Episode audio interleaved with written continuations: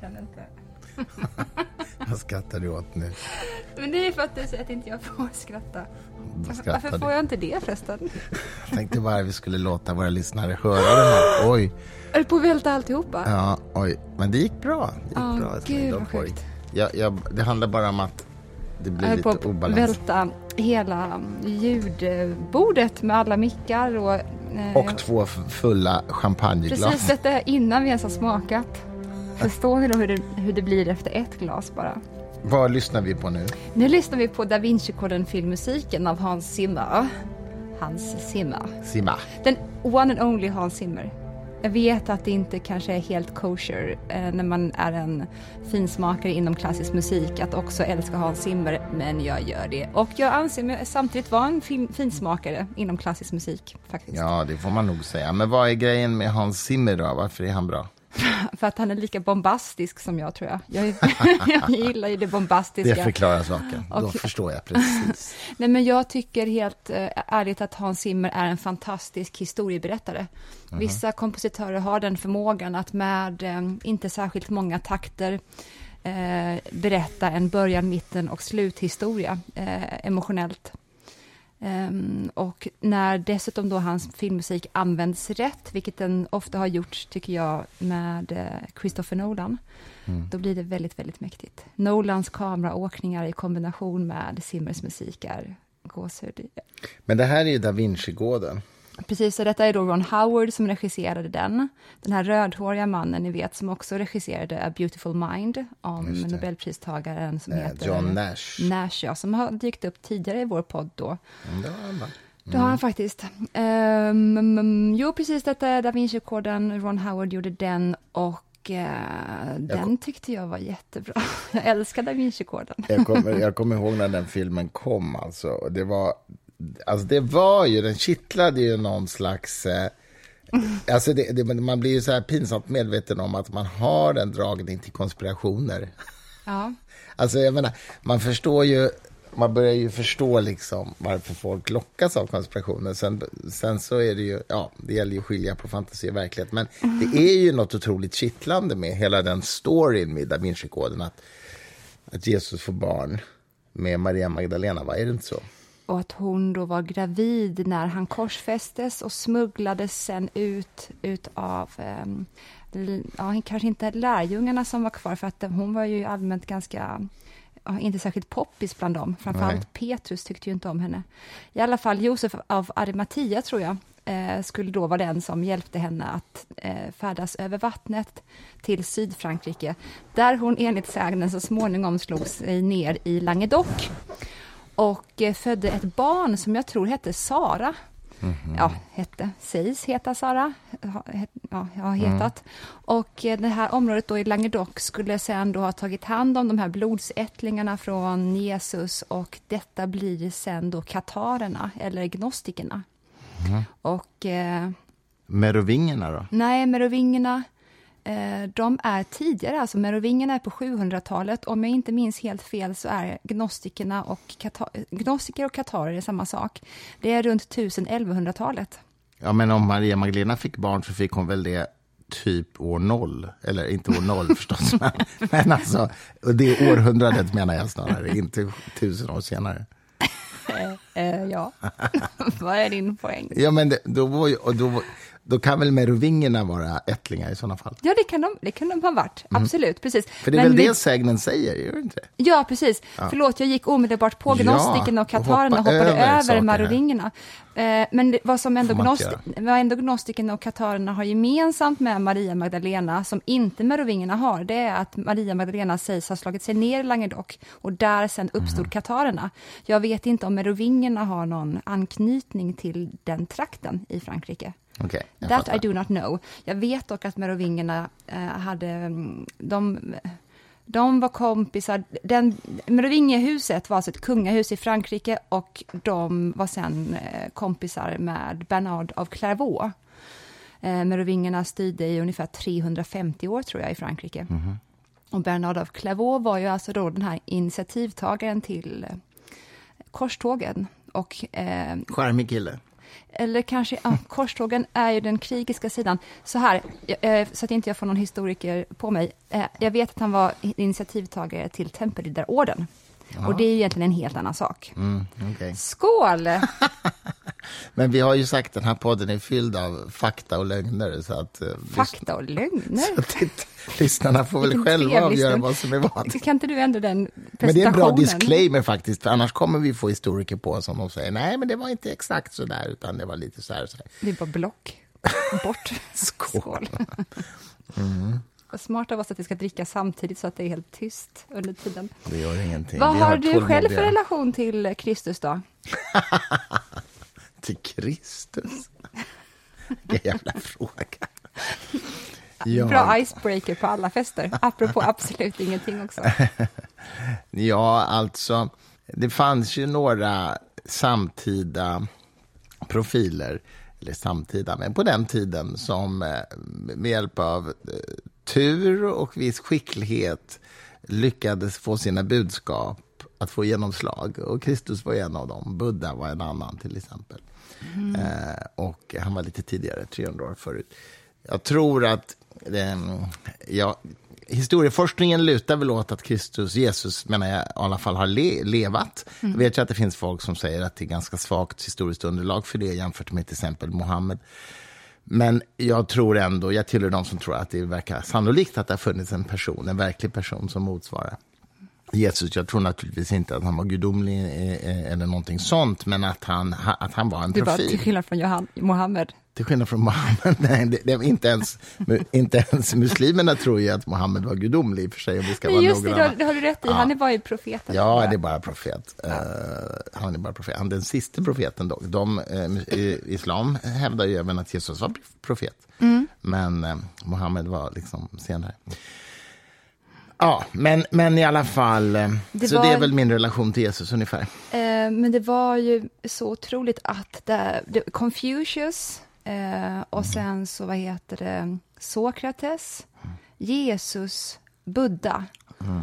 Under en period av ungefär 150, okej, okay, säg 200 för att vara säker, 200 års tid, mm. så producerar världen de här otroligt stora tänkarna som man ändå får säga vårt hela samhälle idag vilar på, mm. vars grundvallar vilar på. Och det är intressant i sig, för det, det, man kan ju verkligen spekulera om det är så att liksom det mänskliga kognitiva, eller mänskliga intellektet liksom nådde någon slags nivå där som gjorde att man började formulera sig i abstrakta idéer kanske, inte vet jag, att vi, att vi liksom evolutionärt vår, vår, våra kognitiva förmågor nådde liksom en nivå som, som inte bara handlade om här och nu och hur vi får mat och hur vi överlever och så där, utan började reflektera abstrakt. Och det verkar ju ha hänt, man kallar väl det axialåldern, eller hur? Ja, det kallar man för.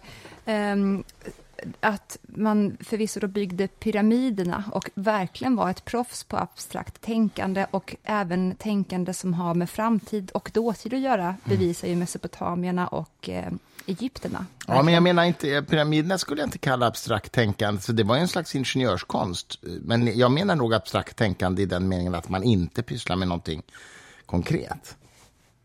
I jag den tror meningen att, inte pyramiden jag abstrakt jag, tänkande. Jag tror att pyramiderna är en representation av någonting som var mm. abstrakt. Pyramiderna är inte, tror jag, bara ingenjörskonst som Nej, ska okay. fylla någon du... funktion. Det är en filosofi bakom, ja, det, tror jag också, det är någonting djupt. Det var väl djup... gravmonument? Bland annat ja. är ju det. De står ju också perfekt position efter en stjärnbild, jag minns mm. inte vilken det är. Så att snarare tror jag det är så att det abstrakta tänkandet genererade den sortens ingenjörskonst, som i sin jo, tur då var en symbol för någonting djupt psykologiskt jo, underliggande som har med vår existens ja, att göra. Jag menar egentligen själva byggnadsprojektet, som inte är så abstrakt, men självklart så var det ju en symbolik som var abstrakt. Men det, kan, det var ju även grottmålningarna, det är ju mycket tidigare. Ja, visst, precis. Och det, det jag egentligen är ute efter är att det kanske kan vara så att det hände någonting i axialåldern som gjorde att vi började få filosofiskt reflekterande individer på ett sätt som vi inte hade innan. Eller också är det bara det att vi inte har bevarat liksom, skrifter. Ja. Alltså, det, förstår du? Vi vet ju inte. Jag tror ju det. Vad? Jag tror att det är en, att man hade nått en utveckling där på Um, dels hur man kunde skriva ner saker och ting, ja. men också att vissa statsskick på den tiden möjliggjorde att män kunde träffas i grupp och lyssna mm. på varandra mm. um, och sen sprida mm. tankegångar vidare. Så att, um, och nedteckna dem också. Ja, Precis så. Mm. Precis så. Men jag tror inte att, jag tror inte att vi var eh, kognitivt mer förfinade eller mm. kapabla till större sofistikerat eller abstrakt tänkande i axialåldern än 2500 år tidigare. Det tror jag inte. Nej, nej, det, jag tror att det är en sån där utvecklingstanke som man lätt går på, att allt ska bara bli mer och mer avancerat och att vi är kapabla till att kunna sträcka oss efter nya vyer mentalt, desto längre tiden går. Jag vet inte om det är så faktiskt. Jag tror att det är så, fast kanske över mycket, mycket längre tidsåldrar. Det kanske rör sig om hundratusen år istället. Ja. Så någon gång tror jag i och för sig att, att, liksom, att, jag tror att det finns en progress i det, men jag tror verkligen att du kan ha rätt i det, att det inte hände just där och då, utan att det handlar om att man, en massa andra faktorer som gjorde att man kunde träffas och så där. Och sen också, egentligen är det rätt intressant om man tänker efter, jag menar, skrift, utvecklingen av skriftspråket, som ju var kanske den första informationsteknologiska revolutionen i någon mening. Sumerierna. Ja, just det. Det möjliggjorde ju för första gången att man kunde överlämna kunskap till människor som man inte träffade. Och även till främmande generationer. Ja, det, där skulle jag vilja inte hålla med dig heller, därför att eh, den judiska traditionen visar ju verkligen att man kan lämna över kunskap till folk man inte träffar. Det är därför de utvecklade sån otroligt förfinad berättarteknik. Jo, men då måste de ju tala. Ja, men det, men det du sa var att man kunde lämna över vishet till människor man inte träffat. Det kan man ju även med berättartraditionen göra. Hur då? Man berätt, jag berättar en historia för dig nu. Ja, men då du måste du ju träffa mig för att kunna berätta. Ja, ja, men du berättar ju den för tolv till som jag inte träffat. Ja, ja, du menar så. Ja, just det. Men, ja, just det. men själva överföringen till en annan individ måste ju ske. Ja, den första. Det är det, ja, det jag menar. Okay. Det är det jag menar. Ja, men då jag. Medan, skrift, medan skriftspråket möjliggjorde att du kunde liksom lämna det till exempel en kommande generation som du aldrig behövde, behövde, behövde inte ha så att säga det talade, traderade berättelsen. Mm. Utan du kunde lämna det på en plats och sen kunde andra människor läsa det, så att säga. Det är mm. så jag menar. Men, men, men självklart kan man ju tradera muntliga traditioner, så att säga. Men då måste de ju ske genom direktkontakt för varje steg. Ja, precis. Och det, diasporan då, när den inträffar 67, tror jag, där efter Kristus, när judarna då sprids över världen. Mm. Det är då som man också börjar nedteckna. mm. Förut så var det en berättartradition som man hade centralt, men man förstår att nu när vi kommer spridas vind för våg så måste vi börja skriva ner också. Ja, precis. Mm. Eh, du, från, från sådana här historiska abstrakta resonemang till vardagen. Vi har just kommit hem från Almedalen. Ja! Vill jag påminna om. Och igår var väl en sån här återhämtningsdag verkligen. Nu börjar man... Nej, du, det var det väl inte. Det var ju... Nej, vi kom ju hem sent igår. Vi ja, idag är en återhämtningsdag. Idag är det mm. Ja, du har rätt. Eh, vi spelar som vanligt in på fredagen. Det här kommer ju publiceras på söndag. Men ja, vi var i alla fall fyra extremt intensiva dagar i Almedalen. Vad gjorde vi egentligen, Victoria? Ja, det var ju dels ett fruktansvärt mord där som ju liksom förändrade stämningen på Almedalen enormt. Jag har ju varit där ganska många år. Eh, och det här var ju förstås det värsta Almedalen i den meningen. Ja. Men, men om vi bortser från det för ett ögonblick så, så var det ju sig ganska likt. Det, det lär ha varit ungefär hälften så många events som senast innan pandemin i alla fall. Så det var ju lite mindre. Varför var det det? Jag fattade aldrig varför då. Nej, jag, vet, jag tror inte det finns någon eh, liksom, enkel anledning, utan jag tror liksom att luften gick lite grann ur. Jag tror att många upplevde att det var för mycket helt enkelt. Det mm. var för mycket folk och för mycket events. Jag tror att det var över 4 000 events. Nu var det strax under 2 000 events. Det, det, blev liksom för mycket. Jag, tror att många, jag har ju hört många människor som brukade åka till Almedalen som avstod i år. Så det, det är väl liksom en allmän Aha. förändring i inställning helt enkelt. Oj. Okay. Um, och jag tycker nog det var behagligare. Det var lite luftigare, lite mindre stressigt, lite, lite mindre folk. Och det var skönt. Det gick ju faktiskt att få bord till lunch. Liksom. Ja, overkligt nog. Fast ja. det kanske också för att du är så duktig på att fixa sånt jämt. Nej, det tror jag inte. Men, alltså, eh, gud, jo. Men, och sen alla dessa mingel som vi sprang på och, ja. och rosévin som dracks. Och eh, ja, herregud, nu behöver man skärpa till sig lite. Men det var kul. Det var jätte, jätteroligt. Vad gjorde vi egentligen? Herregud, Vi gick vi på- pratade och härjade Vi gick på något katolskt mingel som Det var, var så trevligt. exotiskt. Gud vad du är poppis där. Alltså de bara flockas kring dig. Det är ju någon sån där nästan förbjuden stämning kring dig och katolikerna. De vill bara prata med dig jättemycket, du vill prata med dem jättemycket. Så står jag bredvid och så här kikar upp, det är jättekul. Mm. Well, well. Och sen var det ju, humanisterna hade ju ett seminarium som handlade om yttrandefrihet och relationen till religionsfrihet. Och på, vi var inte där faktiskt, men vi fick det här berättat. På detta seminarium dök ju Rasmus Paludan upp Ja. plötsligt, utan förvarning. Det var ju lite eh, laddat. Alltså den, bland den mest matnyttiga informationen som jag fått med mig från Almedalen, det är alltså att Paludan har gift sig med den här ubåtsmördarens förra flickvän. Ja, alltså det är ju helt... Kommer ni ihåg den här danska ubåts fruktansvärda mordet? Madsen eller något sånt där. Ja, det hette han. Just ja. Madsens förra tjej har alltså Paludan gift sig med. Det är helt... Ja, vad är det för fel? Vad är det för fel på danska? Vad är det för fel på danska? Ja, det, det var jättekonstigt. Det var ja, ja, stämmer jättekonstigt. verkligen det här? Alltså, vi, vi har ju hört det bara. Men... Det var en, en insatskälla som sa det. Men... eh, Insatskälla. ja, jag vet inte om detta nej. stämmer. Men Sen så var det kanske. också jättemysigt. Tack för övrigt för att du lägger upp så fina bilder på mig på Instagram och Ja, sådär. men du jag skrattar ju så ser ut glad som att jag har fått en stroke. Nej, det gör du inte alls. Du, du och Antje Jackelén. Och... Antje vet ju inte ens om att hon är med på bilder. Hon bara, mm, vad är det för liten svart låda han håller upp i luften? kan vara vad som helst. Så var det. ja, ja. Det var faktiskt det roligaste pratet, när vi pratade med Antje och, heter han Günther? Eller är jag bara hemsk för att han är tysk? Heinz. Okej, Kanske. det är samma. Jag minns inte. Jag orkar inte. Heinz med Z säkert. Det är väldigt roligt. Jag, jag har ju träffat inte många gånger genom åren, men det, det är kul. Jag var med i något tv-program där vi skulle sitta i någon sån här kommentatorspanel tillsammans som handlade om internets påverkan på samhällsutvecklingen.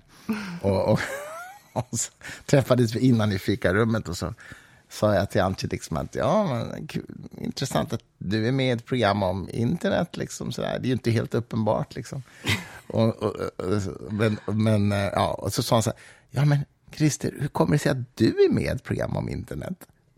Hur kommer det sig? Och det var väldigt roligt, för det gick upp för mig då att hon hade ingen aning om min, min bakgrund som IT-entreprenör, där jag ändå var relativt välkänd för min koppling till internet men på 90-talet.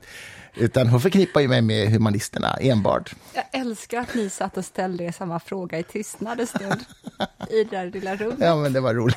Det var faktiskt roligt. Ja, jag tycker det är kul att prata med, med Antje. Vi springer ju på varandra på mingel titt som tätt. Mm, jag gillar hennes man mycket. Han är en frisk fläkt, Ja, verkligen. kan man säga. Öppen människa. O- obehindrad människa. Verkligen. Ja. Vad är det för bok som han verkligen vill ska komma ut i Sverige? Ja, men det är, en, eh, det är en tysk religionsforskare som har skrivit en bok om islam, helt enkelt. En tysk religionsforskare, okej, en känd. Alltså jag kan inte detaljerna. Jag, jag har bara fått det här briefat för mig och eh, han menar att den skulle behövas i Sverige för att eh, eh, helt enkelt eh, nyansera och, och fördjupa eh, debatten om islam i Sverige. Och det, det, utan att ha läst just den här boken så har jag, håller jag med honom om grundpremissen för att den är, den är väldigt okunnig från väldigt många håll, diskussionen om islam.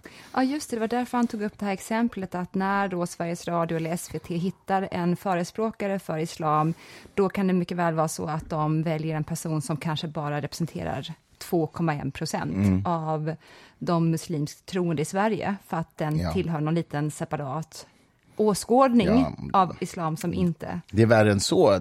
SVT och eh, radio brukar ofta ha en imam i Stockholm som heter Kashif Virk, som jag känner och som är jättetrevlig. Han är ofta representant för islam. Problemet är bara att han representerar eh, Ahmadiyya, islamska rörelsen, som var de första som byggde en moské i Sverige, men som är som resten av den muslimska världen inte erkänner som muslimer, utan anses vara kättare. Det som, och att Sveriges Radio vill ha honom är för att han har ofta sympatiska ståndpunkter och är väldigt sympatisk som person. Jag gillar honom, eh, även om vi inte är överens om allt. Men han är definitivt ingen fundamentalist. Och, och, och det är klart att det gillar man från Sveriges Radio. Det är bara det, liksom att det är som att ta in en mormon som representerar kristendomen. Det skulle aldrig Sveriges Radio göra, såklart. Eh, och, och, det här är minst lika icke-representativt för islam. Alltså det är ju någonting grovt kulturellt rasistiskt i att bara tänka same same. Eller ja, ja, ja, men visst, det, det, är en oerhörd okunnighet. Liksom. Det är ju det. Um, men, men, men, men, men visst, det är ju ett exempel på just det här att man har en icke-representativ gäst. Uh, men, men det är i alla fall skälet till att vi pratar om den där boken. Vad var det vi träffade dem på? Jo, det var... 500-minglet. 500-minglet, just det. Reklam och PR-strategibyrå. Det Mm, det var kul faktiskt. Mm, det var det verkligen. Och de månade också Bokmässans mingeldagen därpå. Där vi träffade Karin Olsson, kort men trevligt. Ja, precis. Mycket, mycket, mycket Så. inspirerande. Sen arrangerade ju, jag var ju där i tjänsten i viss mån i alla fall, även om vi hade en del eh, privat fritid också. Men Fri Tanke arrangerade ju middagar varje kväll där för ja, våra författare och medarbetare på olika sätt. Det är ju det, liksom det hela, hela vad heter det, Almedalen bygger ju egentligen på att man bara nätverkar. Det är ju liksom 90 procent av poängen. De här seminarierna som folk går på, det är ju mest för syns skull. För att Jag, motivera att man är där. Eh, det mest spännande ändå under hela Almedalen, det var ju när du debatterade vad hette det nu igen? Demokrativillkoren för trossamfundens rätt till statligt stöd. Man var lite mosig den morgonen. ja, det var och jag och Staffan Dopping satt i publiken. Mm. Eh, vi var ju inte beredda på att det skulle hetta till. Alltså mer än vanligt med dig. Det brukar ju hetta till på ett härligt sätt, men det här var ju någonting lite speciellt. För att, Vi kan väl börja med ja. att säga att det var ju en panel som bestod av Ulf Bjäreld, eh, tidigare ordförande för Socialdemokratiska tro och solidaritet och professor i statsvetenskap igen. Och, och eh, praktiserande, eller definierar sig som kristen. Och sen var det Daniel Alm som leder Pingstkyrkan i Sverige. Mm. Eh, mycket aktiv på sociala medier. Ja, precis. Och ytterligare en person som jag just nu glömt namnet på. Men det här leddes av tidningen Dagens chefredaktör. Och, och hela seminariet handlar ju om att staten nu har föreslagit en skärpning av demokrativillkoren för att få rätt till statligt stöd som trossamfund. Det vill säga, man måste verka för jämställdhet och icke-diskriminering och, och den demokratins liksom grundvärderingar. För annars kan man bli av med sitt stöd, helt enkelt. Mm. Och och jag tycker ju då att det är lite hyckleri där att staten vill skärpa kraven på icke-diskriminering och samtidigt så eh, vägrar man att inkludera eh, sekulärhumanistiska samfund.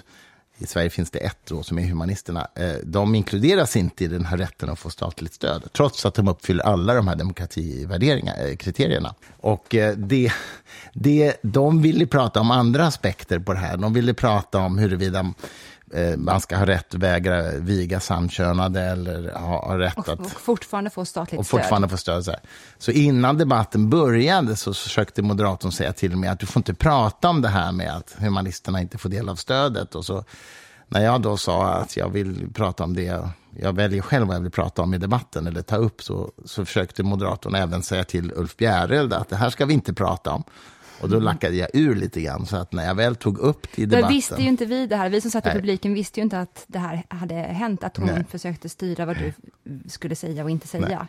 Så att när du sen då står på scen och, och du... tar upp den mm. aspekten, mm. då försökte moderatorn stoppa mig och avbryta mig och tysta mig och då mm. blev jag riktigt sur. Och, vis, och då sitter vi där och vi lyssnar på dig säga det som du mm. så bra alltid säger om, ja men det här gäller, men buddhister till exempel, de får statligt stöd ja. och ni uppfyller precis alla kriterier som mm. buddhister får. Och sen så märker jag att hon är på väg in, moderatorn, och vill börja avbryta dig, varpå du bara sätter upp en sån där hand ut i luften och halvropar avbryt inte mig! ja. Och sen så fortsätter du vidare, så att först slumrar man, och sen bara ups!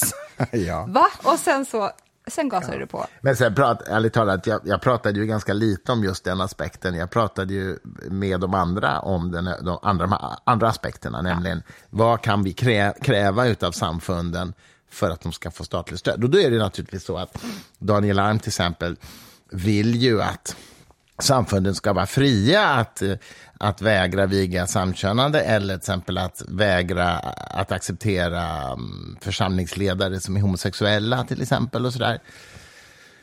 Och eh, menar då att religiösa samfund ska särbehandlas i förhållande till andra typer av kulturorganisationer eller, eller föreningar när det gäller statligt stöd. Till exempel det här som du tog upp med jämförelsen med en teatergrupp. Ja, jag sa att anta att en, anta att en amatörteaterförening, eller den kan vara professionell i och för sig också, men en, amatör, en teaterförening skulle säga så här att våra konstnärliga ledare får inte vara homosexuella. Vi anställer inte homosexuella konstnärliga ledare. Mm. Eller eh, kvinnliga konstnärliga ledare vill vi inte heller ha, vi vill bara ha manliga.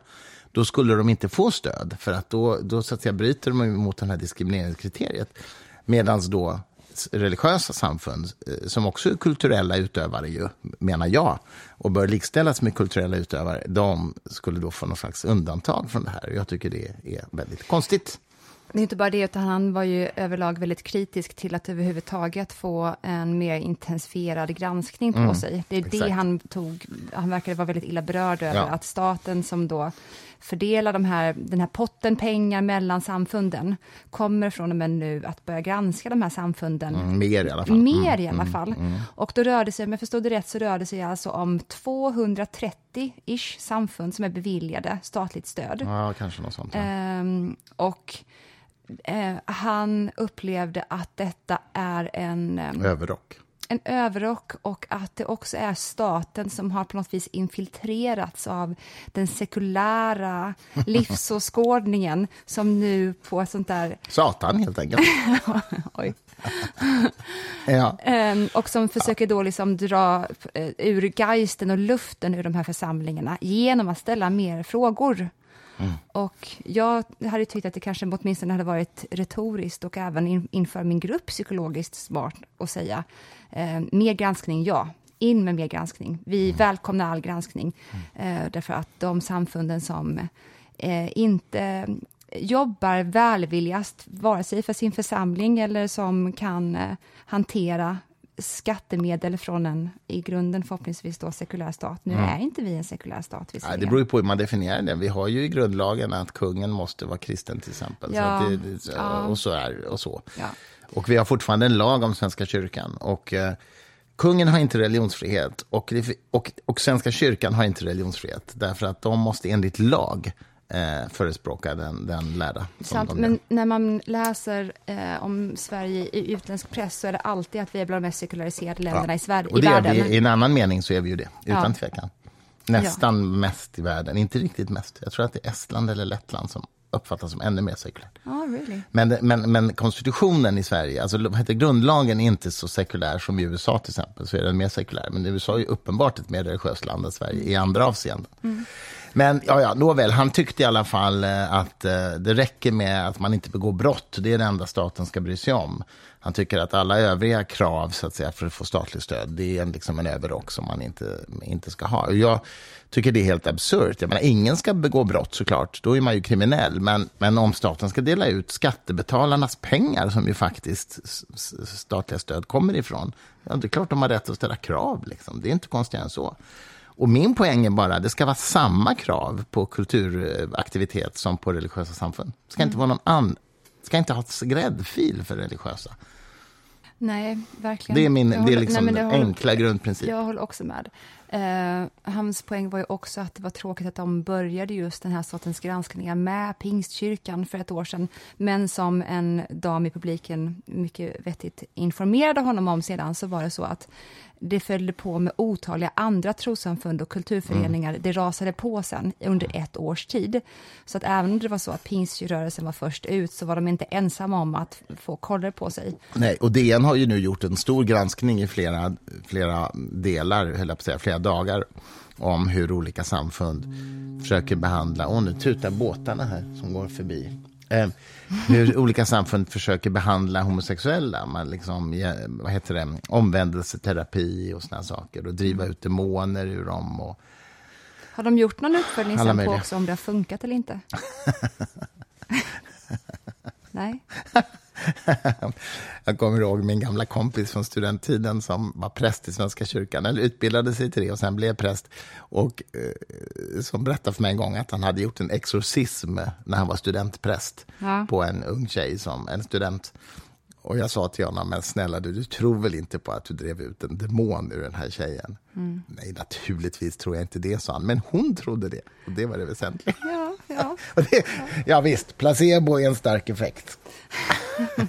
Nej, men alltså när man, om vi bara ska fastna vid demoneri en kort stund. Ja. eh, jag minns att Jung hade en patient som var helt övertygad om att hon hade varit på månen. Mm. Och eh, vad Jung försökte få de andra psykiaterna på Burghulslig Hospital, eller vad det nu heter på mm. tyska, utanför Zürich, att förstå var att mm. hon har varit på månen. Inte rent objektivt Nej. har hon inte det, mm. men i sin uppfattning har hon varit det. Mm. Och allt, och, allt, och allt mm. inom henne responderar på ett sånt sätt som att hon har varit där. Mm. Och det är det utgångsläget mm. som man måste ha när man sen ska eh, göra henne lugnare mm. eller mer funktionell. Nej, ju... Istället för att försöka övertyga om att mm. du har inte varit på månen, det är kanske Nej. inte där man ska börja då. Och man kanske inte ska börja med en sån person som är så fullständigt känsloansatt av uppfattningen om att den har en demon inom sig. Då kanske inte det är just rationalitet man ska använda som främsta verktyg. Jag håller helt med om det. Jag håller verkligen helt med om det. Du bara, så, upp, upp, upp. Om så, du hade kommit in dit istället, du bara, det finns inga vetenskapliga belägg alls för nej, att alltså, demoner existerar. Nej, nej, men alltså jag håller faktiskt med om detta. Men det är ju, problemet är ju att demonutdrivning har ju, har ju praktiserats. Det finns ju rättsfall till och med i Sverige från i, nutid där föräldrar faktiskt har misshandlat sina barn ja, med exorcism. Och det är ju, då är det ju fruktansvärt. Så, att, så länge det inte skadar någon och, bara fungerar som placebo så har jag ingenting emot Ja, eller så länge som det inte skadar barn, tänker jag mest vuxna människor ja. har, besitter ett helt annat, um, en ansvarsfrihet ja. över sitt eget liv. That's på ett sätt. Men hur gick det i det rättsfallet förresten? Ja, de, blev fällda för misshandel. Men, var, men var det inte upp på kartan att advokaten försökte ändå eh, använda sig av vinkeln i deras hemland så är detta ett kulturellt fenomen som man... Ja, ju, kanske, men alltså det här var så uppenbart för att de hade hällt någon syra i hennes nej, fanns, ögon. Nej, och, ja, det var hemskt. Ja, okay. Det här är några år sedan okay. som det här hände. Det blev, det blev misshandel, definitivt. Både fysisk och psykisk misshandel. Mm. Eh, jag vet inte, det kanske var fel att det var inte syra i den meningen att de förstörde hennes ögon, men någonting som gjorde väldigt ont i alla fall var det. Jag kommer, jag kommer inte ihåg ja, detaljerna. Nej, det tvättmedel eller något. Ja, det var något läskigt i alla fall. Mm. Och, och, eh, nej, men eh, som sagt. Och så, apropå det så kan mm. vi berätta, alltså det gör väl inget om vi berättar om att vi hade en jättehärlig eftermiddag med Janne Josefsson. Nej, nej, jag, nej, han är ju gäst i min andra podd som apropå jag gör, Fri Tankepodden. Apropå tvättmedel i ögonen. Så. Eh, nej, men han är gäst i min kommande gäst i Fri Tankepodden som jag ju gör i min yrkesroll. Som kommer ut varje fredag. Precis, men inte under sommaren nu, så det är lite sommaruppehåll. Ja, vi har sommaruppehåll. Till skillnad från den gyllene grenen som aldrig tar semester. men, men, ja, men det var roligt. Han var gäst i den podden, vi spelade in den för någon vecka sedan och sen så hängde vi lite i, i mm, Almedalen. Mm, det är kul min... att höra hans historier från ett långt journalistliv. Det är det alltså. verkligen. Min kära vän Anna Jansson mm. som är eh, chef för... Eh, Sponsring, va? Nej, men PR på Nationalmuseet. Och, och sponsring. Och sponsring, mm. ja. Um, och du och jag och Janne, mm. vi var ju... Vi var ju Järngäng. Vi, värsta järngänget. Vi var ju lite så här surrig, härlig stämning, du och jag, Anna, när vi satt åt mm, lunch. Innan sen, Janne kom. Sen kom Janne. ja. Och vad ville Janne prata om? Janne ville bara prata om... Ja, något hemskt de rättsfall. Nej, inte något hemskt. De hemskaste rättsfallen han har stött på i sitt journalistiska liv. Ja, ja. Så vi var, gick från att vara lite, vi äter sallad och dricker rosévin till att få höra om typ fyra, fem olika fall. Typ så här, mammor som mördar sina barn. Ja, ja det var och det bara kom mer och mer och mer. Så att... ah, vad är det för värld vi lever i? Mm. Ja, verkligen. Men Janne var lika glad ändå. ja, ja, ja. Nej, men det blev en kul podd med honom faktiskt. Den kommer som sagt, jag inte vet jag, i augusti skulle jag tro. Det, det blev en, han, han är ju en glad berättare och har ju så ja, mycket fin människa. Ja, verkligen. Alltså, verkligen fin. Och det är intressant hur hans syn på public service eh, sticker i ögonen en del. Man får inte säga sticker i ögonen. Nej, det är ett socialdemokratiskt paxat uttryck. Va? Det sticker i ögonen på vanligt folk. Socialdemokratiskt? här måste vi vi, vi sticker i ögonen och vi vänder på varje sten. Det är sånt man inte kan säga längre idag. Ja, Magda körde ju stentricket i sitt tal i Almedalen. Ja, men också. snälla. Ja. Och Jimmy, Jimmy Åkesson hade med sig hundra sten. Varför hade han just hundra? Ja, för det var, jag, jag tror att de har... Okej, min gissning är att de har publicerat någon form av dokument med hundra Ja, stenar som det. ska vändas på, För att just annars- för att kontra. Annars skulle jag vilja varit med på det mötet när de satt och diskuterade om hur många stenar de skulle orka ta med sig. Någon började säga med 20, äh, 50. Det var ett jätte... Han hade inte med sig alla hundra. 200 000 hade varit kul om man hade med sig till Vi hörde, vi hörde bara ett tal live, va? och det var Johan Persson. eh, Nej, vi lyssnade på Ebba. Bebba Ebba, också. just det, Ebba och Johan Persson hörde Men vi live. De andra så- såg vi på ru- tv-rutan, höll jag på att säga. Vi, vi gick ju från din debatt där om trossamfunden, eh, glada i hågen. Direkt genom- till Ebba. Direkt till Ebba. Och du var så himla snygg då. Alltså men du var snygg, du är sluta. snygg jämt.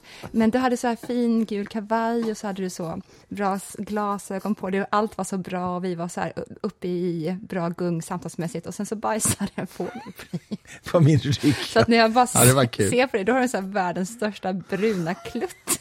Det var inte roligt. Bara, Den är nu tvättad, den jackan. jag ska inte säga det till dig själv, fast till våra poddlyssnare ofrivilligt också. Ebba har ju hängt en del på i de här trossamfunden som ju deba- debatterades faktiskt. Ja, vilken, vilket var Ja, jag kommer inte ihåg det nu. Hon är uppvuxen i Livets Ord och gick ju på Livets Ords skola, tror jag, fram till högstadiet i alla fall. Eller möjligen fram till mellanstadiet, men inte gymnasiet. Jag vet, var, hon var, var det en fotbollsspelare hon var gift med förut? Ja, eller ishockeyspelare. Eller ishockey. Ehm, många av de frikyrkomänniskorna som jag kommit i kontakt med genom dig har ju alltid en brorsa som spelar i typ NHL. Varför är det så? Varenda enda tjej som jag träffar Mhm. Från frikyrkorörelsen har alltid en brorsa inom NHL. Ja, varför, kanske, varför, ja, består, varför består NHL av Det är en väldigt svenska frikyrkokillar? Men alltså, ja, ingen aning. Det finns ju väldigt stark musiktradition också. I, det, det är just den vägen jag har kommit i kontakt med frikyrkofolk egentligen, att det finns en musik. Men är Musiktraditionen. Den, är den så bra? Alltså det här syntspeleriet, jag, blir, jag Nej men, det, alltså, nej, men kom igen, det finns ju massa duktiga musiker i Sverige som har liksom skolats inom frikyrkorna och som inte bara spelar synt, herregud. Ja, förlåt, jag tänker på någon som sjunger mest då. Det är också Okej. det, är så, det här wailandet, perfekta Om wailandet. ett par veckor till exempel kommer ju min gamla... Jag hade ju en assistent som jobbade för mig i slutet på 90-talet när jag föreläste väldigt mycket, som sen flyttade till Sydafrika. Karin. Och träffade en sydafrikansk man. De kommer hälsa på oss om en vecka. Ja, det gör de på lördag. Superkul. Jag har inte sett dem sen innan pandemin faktiskt. Eh, också frikyrkligt engagerade, väldigt frikyrkligt. Är det pingst? Nej, de är med i, tror jag, någonting som heter Vineyard, Ja, som är en internationell... är det så här, en, förlåt, happy clappy? Ja. ja. karismatisk. Alltså, mm, jag kan inte så mycket om dem, men de tillhör samma tradition som Livets Ord, men inte, är inte så där extrema som Livets Ord var under Ulf Ekmans tid. Nej, nej, nej. Utan mycket mer så här bejakande av det mesta. Liksom. Mm, Men eh, Happy Clappy är mycket musik och karismatisk. Varför döpte inte vi vår podd till Happy Clappy? jag vet inte. jag vet knappt vad det betyder, men jag tycker det är rätt. Jag tycker det känns härligt bara. Det är träffande. Ja, men du, Almedalen i alla fall. Var det första gången du var där, eller har du varit där innan vi lärde känna varandra? Ja, jag har varit där innan vi lärde känna varandra. Eh, Vad, om du jämför då med tidigare Almedals erfarenheter? Nej, men det var ju likadant tyckte jag. Mm. Faktiskt. Nej. Jag är så trött nu, jag orkar inte spela in mer faktiskt. Vi ska, vi, vi ska, Det var likadant. vi ska, Tystnad. vi, Jaha. vi ska göra... Tack för den vi, ska analysen. vi ska laga middag nu. Och, Jag är så glad torsk. för det. Hur ska vi göra det här? Jag vill ha en plan. Vi kan lika gärna, vad heter det, Diskutera det i den. podden, tycker du? Mm. Jag har följande förslag. Jag Vi var med i schackturnering i Almedalen Ja, också. Almedalsschacket. Ja. Alltså förlåt, vi måste ju ändå säga detta. Jag, jag, Det var vi, faktiskt vi kul. gjorde inte bort oss. Det var Nej, jätteskönt. men de, var var jävligt duktiga. proffs, orka. Ja, de var proffs. Ehm, det var tre minuter plus två sekunder för varje drag, eh, Fisher style. Mm. Och vi var sex pers som gick i en rotation runt bara. Alla spelade Alla mötte alla. I en Mm. timme spelade vi och det var skitkul. Och det kallas alltså då för Almedalen-schacket. Mm, kommer igen nästa år. Nästa år kommer det igen och eh, vill man, eh, hittar man till det någonstans så kan man alltid kontakta oss. Så kan Det kan man förmedla Den kontakten dgg at groundcontrol.se som är vår eh, mejladress till den här podden. Den gyllene grenen. dgg at Jag har groundcontrol.se. tyvärr slagit sönder min mobiltelefon. Det gjorde du, ja. Så att jag kan inte komma in på vårt Instagram just nu, men jag kan det snart. Det var inte för att jag hade druckit. Mm. Det kan du göra via datorn istället. Du kan logga in Nej, på för jag, Instagram. jag vet inte vad jag har för lösenord. Mhm. Mm. Alltså det här är så, att leva med en så här internetfascist. Ja. Internetfascist. Varför heter du inte det på Instagram? Internetfascisten. Det är du det. Apropå det så har du Jag lovat pratade mig. ju om digitalisering också faktiskt i en panel som Google arrangerade. Det var ingen debatt. Men... Nej, och du var den enda roliga där, förlåt. Mhm. Men vad heter det? Ja. Du har lovat mig att vi ska se på en dokumentär om Mussolini. Ja, Mussolini har vi just sett en dokumentär om. Ja, men kommer du ihåg att du, jag sa till dig? Eh, Sravitska var det väl? nej, det var Mussolini. Jag håller på med boken Mhm. om 36-kriget. Eller dokumentär om fascismen tror jag du sa. Ja, okej då. Ja. Men eh, det är ju Helt olika saker. bredare än Mussolini. Ja, det, det är sant. Det vill jag gärna göra. Bra, bra. Det kanske vi gör ikväll. Jag håller på. Ja, det kanske vi gör ikväll. Så som så många Mysig har en romantisk kväll med sina På en dokumentär yngre, om fascism. yngre fruar. Om fascism, ja. Vi, ja, precis. Ja, men det gör vi. Vi, vi har ju sett precis en, en, en, en tv-serie i fyra delar om faktiskt fascistpartiet i England på 60-talet. Jag hade ingen aning om att det fanns ett sånt. Men det gjorde ju det med en ledare som dog bara för tio år sedan eller något sånt där. Jordan eller vad han hette. Colin. Colin Jordan, ja precis. Och Ja. det är en dramatisering av några händelser på 60-talet kring det här. Jag visste det här faktiskt tack vare Elisabeth Åsbrink. Jag rekommenderar hennes bok en gång till som heter 1947. För även ifall den då utspelar sig under året 47 så förstår man vad som komma skall. Och då är ju alltså då nazismen alltså häpnadsväckande stark i Birmingham och i Liverpool. Och eh, de organiserar sig direkt efter kriget. De som alltså... Och? Manchester, nej. Ja, det, det minns inte. Nej, det kanske var så. Mm. Ehm, trots att de då var, slogs, de var ju de allierade, centrum för de allierade, och vann då mot den här svarta besten som hade totalt raserat allt det europeiska som eh, står för det goda, eh, tycker jag. Då så är det ändå så att man omedelbart organiserar sig i nazistorganisationer i England. Men det är lika, det är lika obegrip, begripligt som att man i, i Polen i början av 60-talet eh, hade eh, en organiserad eh, våldsaktion på flera platser gentemot judar och slog, tog livet av jättemånga. Och då gjorde man det här bara några få kilometer ifrån koncentrationslägren.